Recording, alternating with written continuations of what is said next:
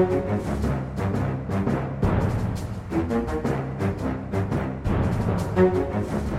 er det fredag, og vi har en ny regjering med en haug nye statsråder og en ekstra podkast. Det er litt sånn at denne uken bare ruller og går i, i studio her, men vi er Aftenpodden, og vi er tilbake. Trine Eilertsen, god dag, god dag. Jo, god dag, god dag. Skulle nesten tro du hadde fått ny jobb, Lars. Så mye podkaster vi lager. Ja, ikke sant? Plutselig så er det noen som har tid, vet du. Og Sara Sørheim, hallo, hallo. Hei, hei. Eh, Det er jo altså Slottsplassen som gjelder i dag eh, fredag. Erna Solberg har tatt sitt nye team ut og vist det for landet. Eh, Det var ikke så mange overraskelser akkurat i dag, for i hele går så ble det presentert den ene statsråden etter den andre Ja. i lekkasjer og grundig journalistisk arbeid. Eh, Men det var, jo, det var jo fint å se dem på, på plassen der, da.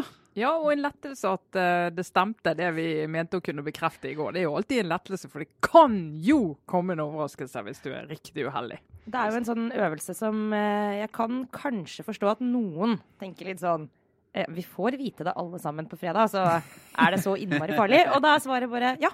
Så farlig er det. Ja, det er veldig gøy. Dette er den politiske journalistikkens sportsgren. Uh, er dette. Og det ble kåra i dag, faktisk. Hvem hadde de fleste lekkasjene? Eh, og det var eh, Nå tar jeg det på husken. Det var DN og TV 2, tror jeg, som hadde tre statsråder hver. Så gratulerer til dem. Ja. Eh, Vi skal gå gjennom egentlig alle de nye litt sånn etter hvert. Men hvis du skulle gi en overordna liten beskrivelse av det som har skjedd i dag, Trine. Eh, Hvordan vil, hvilke konklusjoner trekker du da? Nei, Et par eh, poenger. Det ene er at eh, Erna Solberg har jo klart det Jens Stoltenberg ikke klarte på slutten av den rød-grønne regjeringen, nemlig å fornye laget i toppen og rigge seg for valgkamp i 2021. Og så har Venstre forsøkt å punktere litt denne interne striden mellom Rotevatn-fløyen og Raja-fløyen med å ta begge inn i regjering. Og så har Knut Arild Hareide gjenoppstått som eh, rikspolitiker på aller ypperste nivå. I god KrF-tradisjon. Med alt det fører med seg av eh, pressemelding, vel nærmest, fra Frp om hvor sur de er for det. Det er en slags sånn forsoningens ånd over hele dette prosjektet. Ja, også Ja, forsoning. bortsett, Ja. fra, bortsett fra med Anniken Hauglie, da, som går ut akkurat når det står på som hardest i Nav-saken. Eh, Det får de jo mye kjeft for. Ja, Og og, pluss at forsoningen utløser raseri, da. På andre siden av streken. Ja. ja, og forsoningen er Absolutt. eh, nødvendig, fordi det ligger sånn, det er noen grunnleggende konflikter i nesten alle partier som er litt, eh, litt vanskelige. Men jeg må jo si, eh, jeg var jo på Slottsplassen i dag, og det hjalp jo at det var eh, strålende fint vær og, og lyst og fint. Det har vært noen tidligere statsrådsskifter som man har stått og hutra på og venta på, og det regner og er fælt. Men det er jo en litt sånn, en litt sånn fin øvelse å være på plassen der og se eh, at de kommer ut og ser den der forventningsfulle folkemengden som, som venter og, og, og skjønner at noe skal skje. Eh, For det er litt sånn morsom miks av mennesker også. Ja, og i dag var det også eh, veldig mange familiemedlemmer, enda flere enn før, tror jeg, eh, som liksom kom strømmende opp og skulle gi blomster og gratulere sine folk. Fortell Og- alt om det norske arbeidslivet. vet du, Bare ta fri. Vår, eh, vår reporter på stedet kunne melde at eh, det blei jo innmari god stemning, da. Men eh, visstnok så skal da Rune Alstadsæter, eh, som jobber for Erna Solberg på SMK, ha begynt å bli stressa, fordi de gikk jo opp, da, disse barna, familiemedlemmene og alle de glade, til sine statsråder først. Men så begynte de å ta runden og begynte å hilse på alle. Ja. Det? så de gikk fra den ene til den andre og klemte, og det var jo, var jo god stemning. Men da skal han visstnok ha begynt å bli ganske stressa, for da sto det jo liksom 20 mennesker i kø. Så han begynte visst å rope sånn Hei, hei, ikke lov å hilse på alle. En liten morsom eh, detalj. Men det var, jo- det var hyggelig å se. Men det er jo også faktisk et visuelt eh, bilde på det du sa, Trine. For det er faktisk mange småbarnsforeldre i denne regjeringen. Jeg har ikke telt, men jeg lurer på om vi er på den regjeringen nå med flest barn eh, under ti år. Du, vi, vi må ta den Nå må jeg eh, understreke som ikke sitter i regjering, men som har foreldrene sine Ja, men du, Vi får ta den statistikken ut på høsten en gang og få eh, hvor mange eh, hjemme pga. sykt barn eh, vi har hatt i, i den nye regjeringen. Men det som er litt eh, koselig med den Slottsplassen-seansen, er jo at eh, der får du denne følelsen av at ja, de er jo bare folk, de òg. De har Ja. familie som er sånn stolt og glad og rørt, og du ser på ansiktene deres at de, det er veldig sterkt å stå der. Og første gangen, i hvert fall de som blir statsråd for første gang, noen av de er jo litt mer blasert, da. Ja. Men så er det veldig sånn stor opplevelse, da. Ja, og så har du organisasjonslivet som står og kjemper seg fram med blomsterbuketter og diverse sånne plakater. Og regnbueflagg, Ja, Ja, ja, som de skal få inn. Og, og bare helt sånn vanlige turister og folk som kommer fra utlandet og bare hva skjer her, da? Det er statsministeren og hele regjeringa og, og en sånn eh, en salig, salig kaos av, av uh, ulike mennesker som kommer og ser på. Og før vi går inn i virkelig sånn, hvem har faktisk fått disse jobbene, artig liten detalj for bobla. Eh, Knut Olav Åmås på plass med blomster til sin mann eh, Knut Åstad Bråten, som blir statssekretær i Kulturdepartementet. Samme jobb som Knut Olav Åmås selv hadde for et par-tre regjeringer siden. Ja. Det er koselig. Det er sånn, sånn, gjør vi det i vårt lille land. Men uh, ja. Statssekretærene får jo ikke sitte, eller får jo ikke stå foran Slottet, da, så de må jo gå ut i, i mølja sammen med alle andre og ja. håpe at noen oppdager dem. Det er jo en positiv ting med alle disse lekkasjene, for da, jo, da våger jo folk seg fram. Hvis det var sånn skal være helt hemmelig, ja. så, så, tør jo ikke alle familiemedlemmene eller alle de påtroppende statssekretærene eller alle å være der. Nei, Men for år hva gjør du her, liksom? Ja. Mathias Fischer, har du begynt å jobbe i TV 2 igjen? Uh, nei, jeg faktisk ble statssekretær. det var jo sånn der, hele familien til, uh, til Knut Arild Hareide som kommer og, med barnevogna og, og sånne ting. Men vi må jo se litt på hva som faktisk har skjedd, og hvem som kommer inn. Og hvis vi starter i Høyre, og hva man skal kalle en foryngelse der, så kan vi jo se at uh, våre egentlig pod-venner som har vært i podkasten mm. begge to, Tina Bru blir ny olje- og energiminister. Det var kanskje den minste overraskelsen i, hele det nye apparatet. Mm. Og så kommer Henrik Asheim inn som uh, forsk var det forsknings- og høyere utdanningsminister? Utdannings- og høy forskningsminister? Ja, noe, et eller annet, noe, ja. tar over for Iselin Nybø i Venstre, i hvert fall. og kommer inn og regnes ut som to talenter i Høyre, som mm. på en måte framtida skal bygges på. Ja. Eh, hva er det de kan bidra med, tror du? Nei, altså For det første så vil jeg jo utfordre de på om de klarer å videreføre podkasten Stortingsrestauranten. Ja. Det tviler jeg på. Det er jo dumt. Men nå vil jeg bare si vi viderefører Aftenpodden fordi om Sara og jeg har fått ny jobb, så dette er en utfordring. Mm. Og så eh, er jo dette, som du sier, det er jo de to, eh, to, av de tydeligste talentene i Høyre. Og de er ikke blitt mindre tydelige gjennom både podkastarbeid og det at de stiller opp på mye der de får snakket om politikk. Eh, og så er det jo ikke minst en del av den politiske fornyelsen som Høyre snakker om nå. Sant? De jobber med å lage program frem til stortingsvalget i 2021. Klima blir en viktig sak, og der har jo Tina Bru vært en veldig sånn tydelig stemme i denne balansen mellom fortsatt oljevirksomhet og klimapolitikk. Entusiastisk vindkrafttilhenger f.eks., i motsetning til sin forgjenger. Uh, og Henrik Asheim leder jo arbeidet med, med dette i, i, partiet. Sånn at de har allerede fått en god del ansvar, de to ansvar for viktige områder, leder finanskomiteen. Eh, og har jo vært utrolig viktig eh, der, og har fått mye innsikt der. Så de har jo vært satset på. Her har Høyre Høyre vært veldig gode til å utvikle talent. Og sånn, når Erna Solberg nå sier at nå skal vi løfte de opp, så er de egentlig de er klar, da. Det er ikke en sånn stor risiko. Og så kan du si Et av de store spørsmålene for denne våren her var jo hvordan man skal løse denne konflikten om iskanten.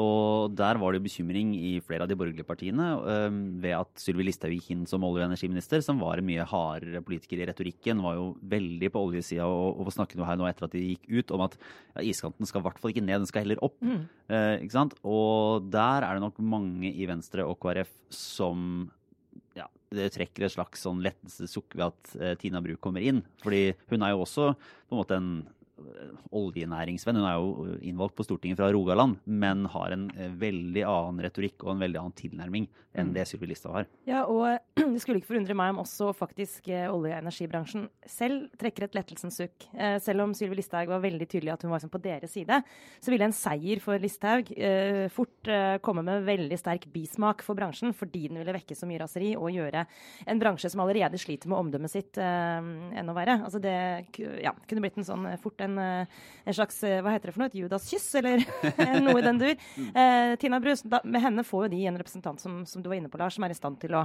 faktisk eh, bli, om ikke likt, så i hvert fall respektert også av folk ja. på, den, helt på den andre siden. Og så kommer hun fra komiteen. Eh, sånn at hun kan jo området, har sittet der lenge og kan det ut og inn. Så hun er liksom ikke helt sånn rookie som kommer inn. Og det er viktig nå akkurat der som den bransjen og med de eh, problemstillingene.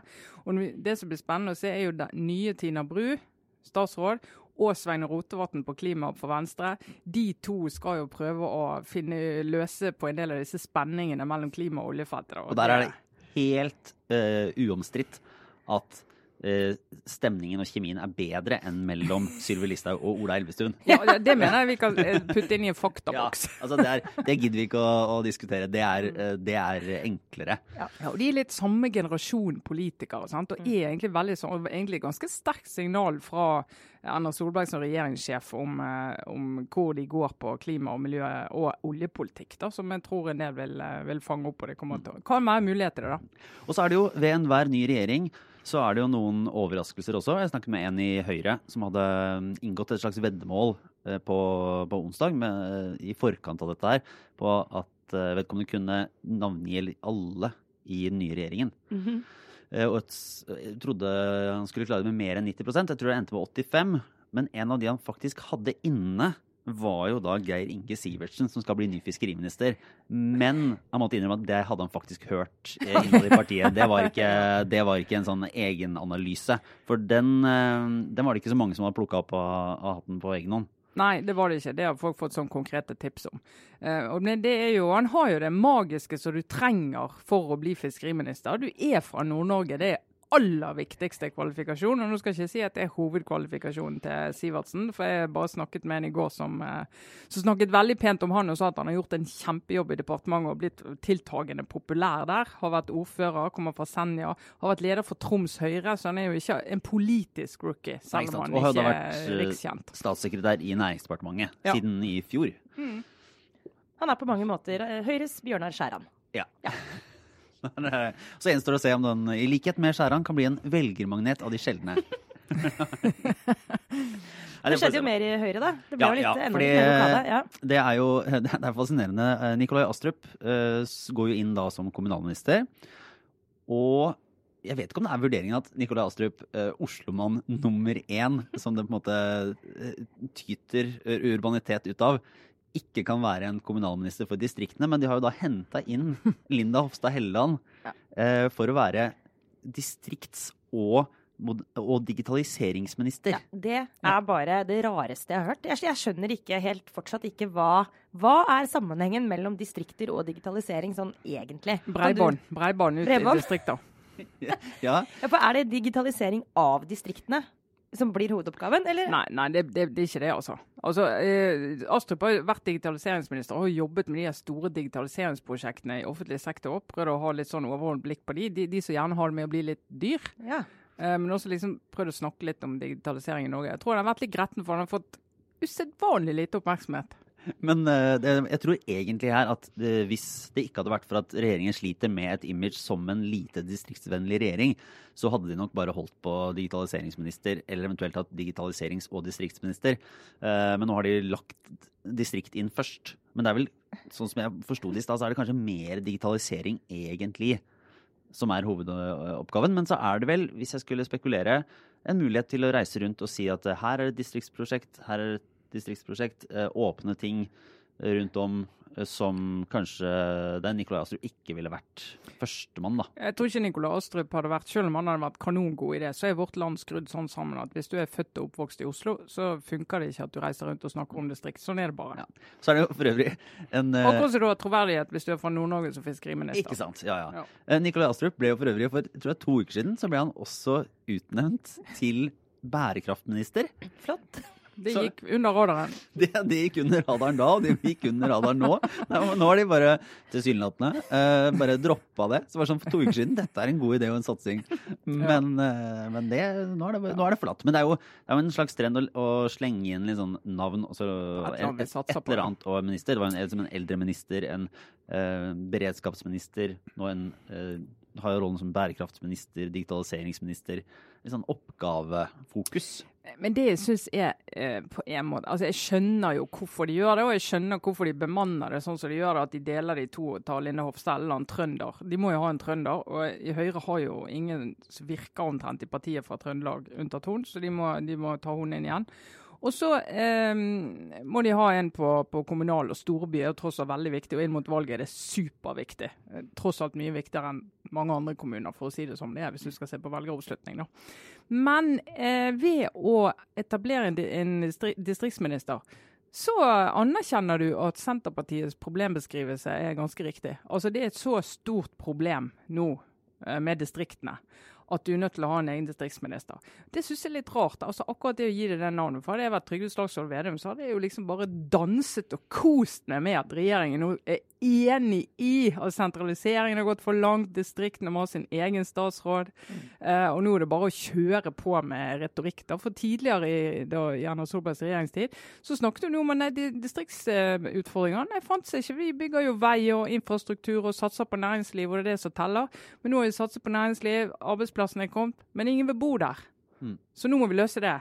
Og da, da eh, får vi på en måte Vedum rett, da. Ja, løse det med bredbånd, da. Eh, Men, eh, men det er veldig fint hvis Vedum kan finne seg en annen eh, hovedmotstander enn Sylvi Listhaug. Sånn, bare sånn generelt. Så hvis det blir Helleland, så er det sånn det er bra for bare irritasjonsgraden. Jeg skal ikke gå inn på det igjen. Men noen av dere hørte kanskje Dagsnytt 18 eh, i går mellom Vedum og Listhaug. Og det, Jeg var jo der, og det er min egen debatt med Eva Jolie. Den skal jeg ikke kommentere her. Men eh, det, jeg hørte den, ja. ja, håper det var siste gang. Ja. Nei, eh, vi, vi får jo fortsette da med, med Venstre, egentlig. Nei, du glemte en ting. En ting? Eh, Hauglie ut. Ek- Hauglie exit. Ja, den kan vi ta her. Ja, bare sånn helt kort om det, fordi eh, blir det, det blir spennende å se hvordan den begrunnes nå i de dagene som kommer. Om det blir begrunna, eller om det blir forklart som en form for politisk innrømmelse, eller holdt jeg på å si ofring, eh, knytta opp til Nav-saken. Eller, om- eller om det blir presentert som rett og slett bare en praktisk, et praktisk resultat av nye Men, men, statsråder. men ja, Lars. Nei, Erna Solberg var jo i sin pressekonferanse så ga hun uttrykk for at den endringen var Hun ville ikke gå med på at det var en Nav-konsekvens. Mm. Hun var mer på at Anniken Hauglie tok sitt ansvar som en, som en Høyre-politiker som så at det var behov for en fornyelse. Eh, Hadde selvsagt ønsker og, og mulighet til å yte mye for regjeringen og landet fortsatt, men ja. ville tre til side for å slippe andre til. Og det var mer sånn partihensynsvurdering enn at hun skulle føle seg liksom bli skvist ut pga. Nav-skandalen og ansvaret der. Ja, og det, det, det jeg snakket med også folk i går, og det, det som opposisjonen sier at dette hun må gå pga. det er ikke riktig, sånn som jeg leser det. Det som er, er riktig, det er at Anniken Hauglie har sagt at hun ikke vil satse i toppolitikken fremover. Eh, og da blir hun ikke mer av det, med på det laget inn mot 2021. Eh, Så kan du si at det skal jo ikke Bent Høie heller. så hvorfor ikke? Han skal jo bli fylkesmann. Men eh, på et tidspunkt det er lettere å ta ut en som ikke sitter i stortingsgruppen, enn å ta en tilbake til stortingsgruppen. Eh, og så er det òg veldig vanskelig å få en helseminister opp i fart som bare skal sitte i kanskje halvannet år. Sånn at det er større risiko. Men ta ut Hauglie, eh, og de, og ingen i Høyre som har illusjoner om at det skal på en måte gjøre Nav-saken lettere for regjeringen. Tvert imot så gjør det det vanskeligere, for nå får du inn en statsråd som ikke kan saken i detalj. Du er nødt til å bruke masse tid på å sette seg inn i den. Torbjørn Røe Isaksen. Uh, og som kanskje til og med liksom kan komme og bomme og snuble litt. Da. Så uh, Den som jeg snakket med, sier at det blir ganske vanskelig for oss nå i kommunikasjonen med Stortinget. Men uh, Anniken Hauglie er hvert fall Jeg fikk ingen i Høyre i går som sa at nei, hun må gå pga. Nav, og da tror vi det minsker presset. Torbjørn Røe Isaksen må bare OK, dette er deilig. Nå eh, Nav-skandalen, ja. Det har vært en, eh, en lett sak for alle. Men rett inn i den hengemyra og skulle gå inn og, og fortsette den. eh, da tror jeg at han eh, det, er, nok det er en utakknemlig oppgave. og Typisk sånn ta en for laget-jobb, er det ikke det? Ja, du kan få si at det går fra liksom, et segment i samfunnet, eh, liksom, de superrike, til et helt annet segment. Det, det, det, ja, ta, tar det for laget. Det tror jeg er en grei eh, Ja, det- beskrivelse. Kommer rett fra å diskutere om uh, sjefene i Statoil bør tjene to eller ensifret antall millioner, til om uh, til de som er aller nederst på rangstigen. Nå skal jeg, ikke ja, jeg skal ikke si at det er viktig, men jeg vil anta at det er litt annen servering på den gjennomsnittlige lunsjen til Torbjørn Røe Isaksen i månedene framover enn det det har vært i det foregående året. Altså. Se. Men eh, det inn i Venstre, da. Vi snakket jo mer om eh, dilemmaene der, egentlig, eh, i podkasten i går. Så vi skal ikke gå altfor dypt inn i, i de ulike valgene. Men de endte jo opp da med å ta inn både Sveinung Rotevatn og Abid Raja. Ja. Um, og sånn sett Og beholde Iselin Nybø. ja. Så det er vel på en måte en slags de, en, Det er bare å dytte det litt foran seg, for det er jo ikke noe avklaring i dette lederspørsmålet, i hvert fall. Det er jo like åpent om, om Trine Skei Grande vil fortsette eh, nå som det var i går.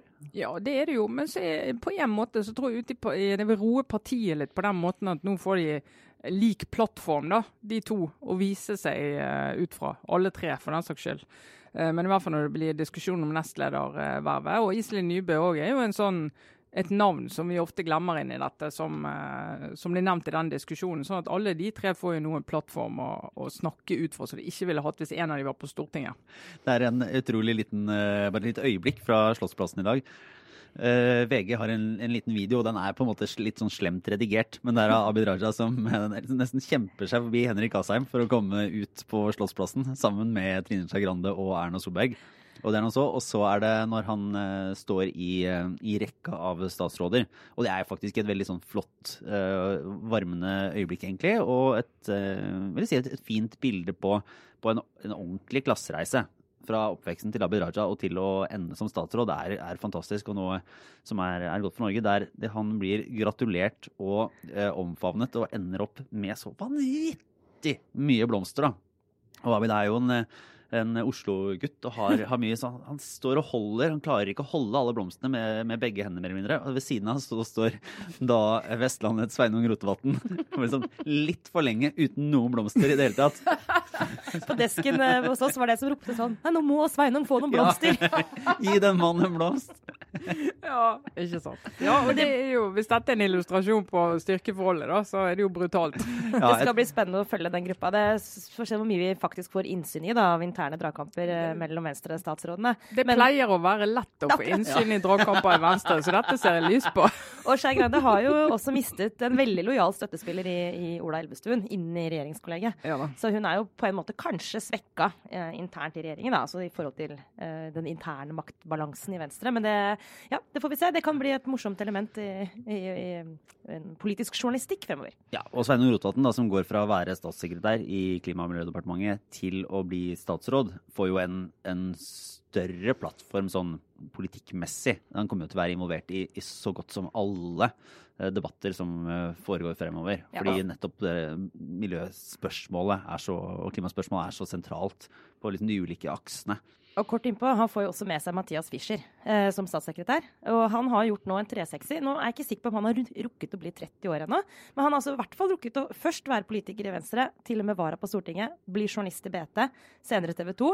Fikk kjeft da for at han eh, var for tett på politikken som journalist. Så sluttet han som journalist og ble rådgiver i Try. Fikk kjeft fordi han var for tett på journalistikken. som rådgiver. Slutta som rådgiver nå for å bli statssekretær. Får kjeft fordi han er for tett på rådgivningsbransjen. Men, men nå syns jeg, jeg han skal ikke få kjeft for å være på, for tett på journalistene nå. Det syns jeg ikke. Nei, den døra kan du holde vidåpen. det syns jeg ikke du skal være redd for, Mathias. Og så uh, tok jo da uh, Kjell Ingolf Ropstad tok som uh, forventa et, jeg vet ikke hva skal kalle det, et modig, et raust, et Klokt, valg i hvert fall. Klokt, flott, varmt, fint. Nå er årets leder, verdens villeste mann. Ja. valg om å ta inn Knut Arild Hareide som samferdselsminister samferdselsminister. Det har vært litt forsoningsregjering, det her. Ja. Liksom alle konflikter i partiene nå skal legges bi ved at alle kommer rundt kongens ja. bord.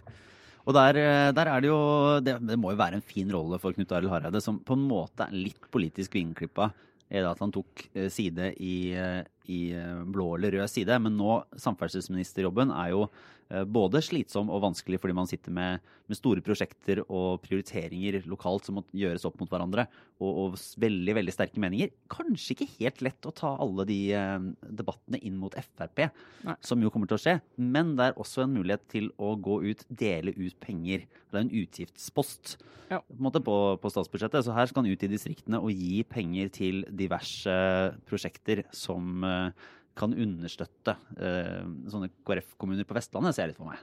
Ja, men det er en, en kjempemulighet for han. Og så er det jo eh, denne f.eks. E18 da, her inn til Oslo. Det kommer jo til å bli en sånn kjempekranglesak mellom eh, Frp og Nei, Frp og alle, egentlig. og ikke minst regjeringen, som de nettopp satt i. Så det blir jo eh, kanskje en av de første prøvelsene av oss. da. Men det jo, har jo kommet reaksjoner. Det, var, det, har jo vært såpass at Erna Solberg følte behov for å kommentere det på pressekonferansen i dag, inne i Høyre.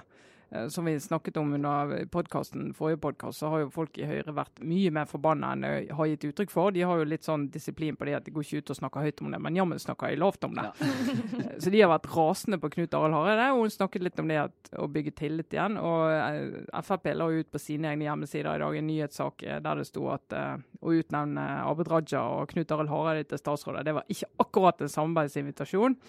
Og så tenker jeg at ja, det var omtrent sånn de følte det i de sentrumspartiene da de sto på utsiden og Sylvi Listhaug ble statsråd. og Per-Willy Amundsen ble statsråd. Så det er jo litt sånn det er. De har behov for å reagere, bruse med fjærene, men så må de jo finne en måte å jobbe på, da. Ikke sant. Og så er det jo Det er ikke sikkert, men jeg ser nå er det jo det som sa et generasjonsskifte, mer eller mindre. I hvert fall det er en, en flere unge statsråder som kommer inn og dominerer mer, da. Uh, og så når man sto og så på det, så på, på, hele regjeringen i dag, så tenkte jeg at den er kanskje nå liksom mer sånn sosiokulturelt ensforma enn da Frp var ja, men med. Det er helt riktig. Med uh, Sylvi Listhaug og Per-Willy Amundsen og mm. Per Sandberg og Harald Tom Nesvik og en del av de mm. sluggerne fra Frp. Mm. Så er det på en måte liksom litt mer De ser litt likere ut, hele den gjengen som sto på Slottsplassen i dag. Ja, unntatt Abid Raja, da. Ja. Som jo uh, virkelig kommer fra et helt annet sted. For det gjør han jo. Ja, det er jo blitt litt mer sånn likere. Men så tenker jeg denne fornyelsen med de yngre, da.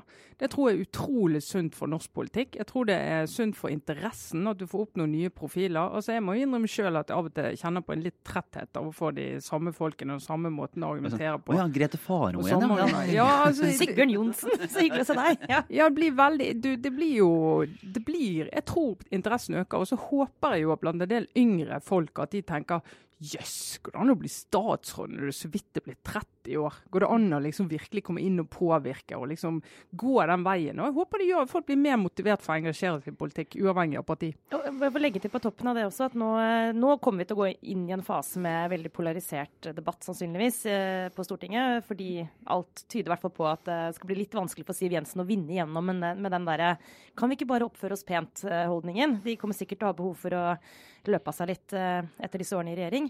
Eh, men en ting jeg tenker på innimellom, er at de yngre politikerne nok særlig pga. klimasaken, har en helt annen motivasjon for å finne fram til eh, politiske løsninger på tvers. Det kommer frem på mange ulike måter. Senest snakket vi med ja, Vi hadde jo Tina, vi hadde Audun Lysbakken og Tina Bru med en podkast for en tid tilbake hvor de snakket om akkurat det. Den der nødvendigheten av å finne, finne løsninger på tvers og, og, være villig til å kompromisse.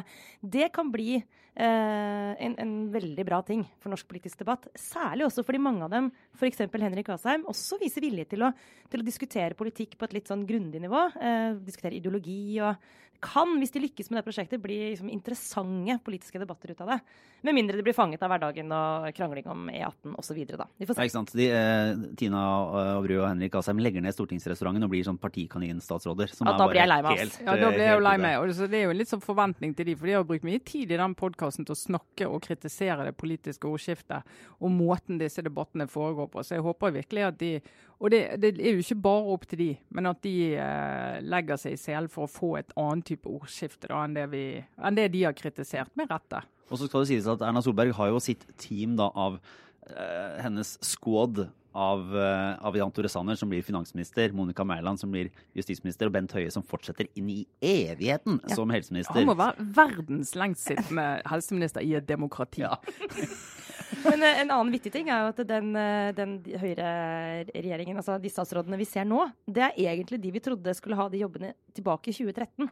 At Sanner skulle bli finansminister, ja. at Torbjørn Røe Isaksen skulle bli arbeids- og sosialminister, mm, at Monica Mæland skulle bli justisminister. Ja, det, det, var akkurat det vi spådde. Og så skjedde det masse rart, og vi måtte ha inn noen kvinner fra Sørlandet, og, og Frp skulle plutselig ha arbeids- og sosial. Og så var det en rokering ganske sånn på slutten, hvis jeg har skjønt det riktig, eh, rett før eh, regjeringen i 2013 ble klar, hvor alt dette her ble egentlig kabalen ble lagt helt på nytt. Så, så, sånn sett så er vi kanskje tilbake ved begynnelsen. Nå får de på en måte begynt på det de skulle gjort i 2013. Nå har de halvannet år på seg. Det de kunne den gangen. Om det var en god idé back in the days. Ja, ikke sant. Nei, eh, men da tror jeg vi runder av med to små beskjeder. Første er at vi har et liveshow. Vi må se hvordan denne nye regjeringen klarer seg. Så 26. mars så er vi på Sentrum Scene igjen. Det blir en slags evaluering eller medarbeidersamtale? Midtveis, midtveissamtale? Mil, Milepælssamtale, vil jeg nesten si. Ja. Få se om det er, er det borgerlig kaos, eller er det, er det lykkelig fremtid. Vi gleder oss i hvert fall. Det blir veldig gøy. Sentrum Scene 26. mars. Uh, og så kan vi bare si at uh, våre podkastvenner i Forklart uh, fra Aftenposten de kommer med mer stoff om de nye statsrådene på mandag. Og de har jo hatt ting denne uka også, så det er bare å høre på. Da tror jeg vi takker for oss, og så ser vi det blir kanskje ikke like mange ekstrautgaver neste uke. Hvem vet? Hvem vet. Vi er det lov å håpe. Takk for oss.